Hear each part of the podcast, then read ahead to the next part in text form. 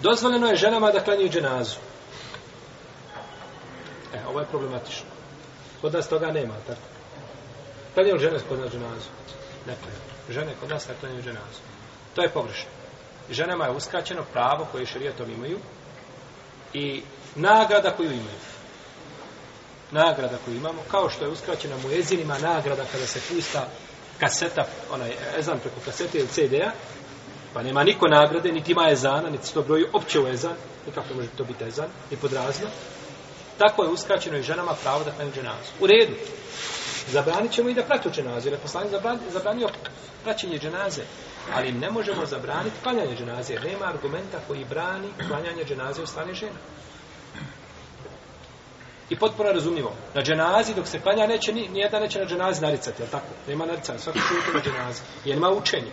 A kada se prati, može biti naricanje, pa zbog toga pratiti nećeš, a možeš klanjati, možeš klanjati ženazu.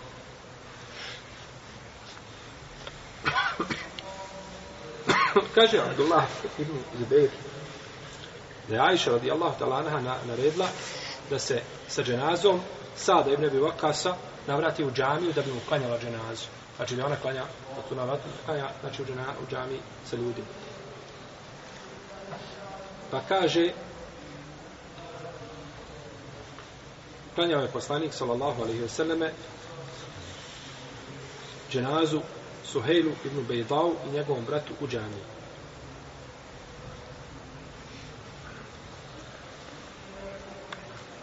Jedan je čovjek usudio Ajšin postupak. Kaže, kako majka vjednika može tražiti da se klanja? Pa kaže, Ajša od kako ljudi brzo zaboravljaju? Pa kaže, do juče je poslanik sam se klanio, Suhejlu, ibn Ubej dao njegovom bratu kaže dženazu u džami. Što tako brzo zaboravljam? Juče je to klanio. Pa Dobro. Jedan dio ovdje u Leme kaže nije dženaza bila u džami. Dženaza je bila ispred džami, a oni su bili šta? U džami. Pa tako dženaza biva ispred imama, ali je ispred njih šta? Ispred, između njih je zid. I to je dozvoljeno po konsensusu. Znači, nema razilaženja među lemom da je dozvoljeno da džamija bude sad, na primjer, ovdje ispred imama. I tako se klanio poslanikom sa osam džamija. Ko je ikada gledao, ima imam, imaju druga vrata za izlaz i ispred izlaza tamo imaju, znači, zid, opće imam ne vidi i dženaze budu ispred zida poredan. Za razliku od, od Mekanskog harema, tamo se drugačije, tamo su ispred imama. U Medinskoj džamiji nisu ispred imama, nego su između njih je paravan. I to je dozvoljeno po konsensusu Lemeta. I oni kažu, to kada je Aisha tražila, ona nije tražila se dženaze unese u džamiju. Nije, u stvari, nije, kaže, nije ona kazala da je, da je klanjana dženaze u džamiji, nego da su ljudi bili u džamiji. A dženaze su bile šta? Van. Jeste razumijeli? Kako ćemo odgovoriti na ovo tumačenje ove predaje? Iz same predaje. Ko zna?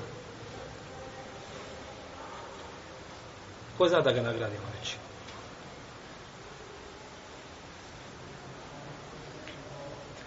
Kako je išla hadis iz početka?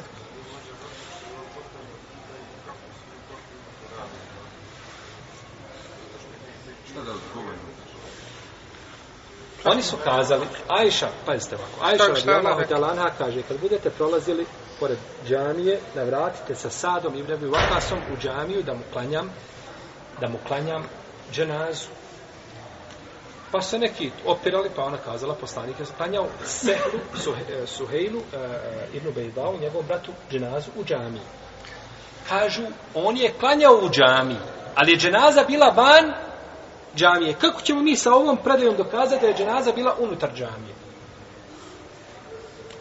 Kaže, klanjao. Bravo.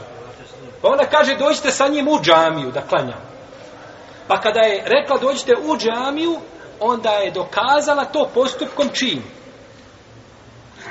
Poslanik je sallallahu Kaže on nije klanjao dženazu njima nego u džamiji. Pa dobro da je Ajša radijallahu znala da je on klanjao da je dženaza bila van, rekao bi dođite u džamiju da mu klanjamo i stavite ga ispred džamije, u redu. Nego je tražila da ga unesu u džamiju i onda to dokazala postupkom poslanika sallallahu alejhi ve sellem kada je klanjao suhej. Pa se tako, znači, istom predajom se može govoriti i unošenje, znači, u dženaze u džamiju je dozvoljeno bez ikakve sumnje. No, međutim, bolje i preče i jeftanije da se dženaza kada van. Kao što se čini u našim podrebima. Jer je to bila pretežna praksa poslanika sa osame, da je, znači, klanjao dženazu mimo džamije. Da ima, znači, posebno mjesto koje je određeno, znači, za klanjanje, za klanjanje dženaze.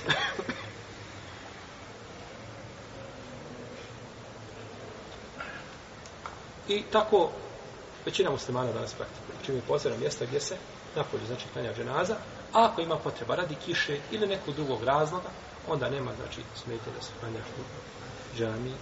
Allah te ala. Amin.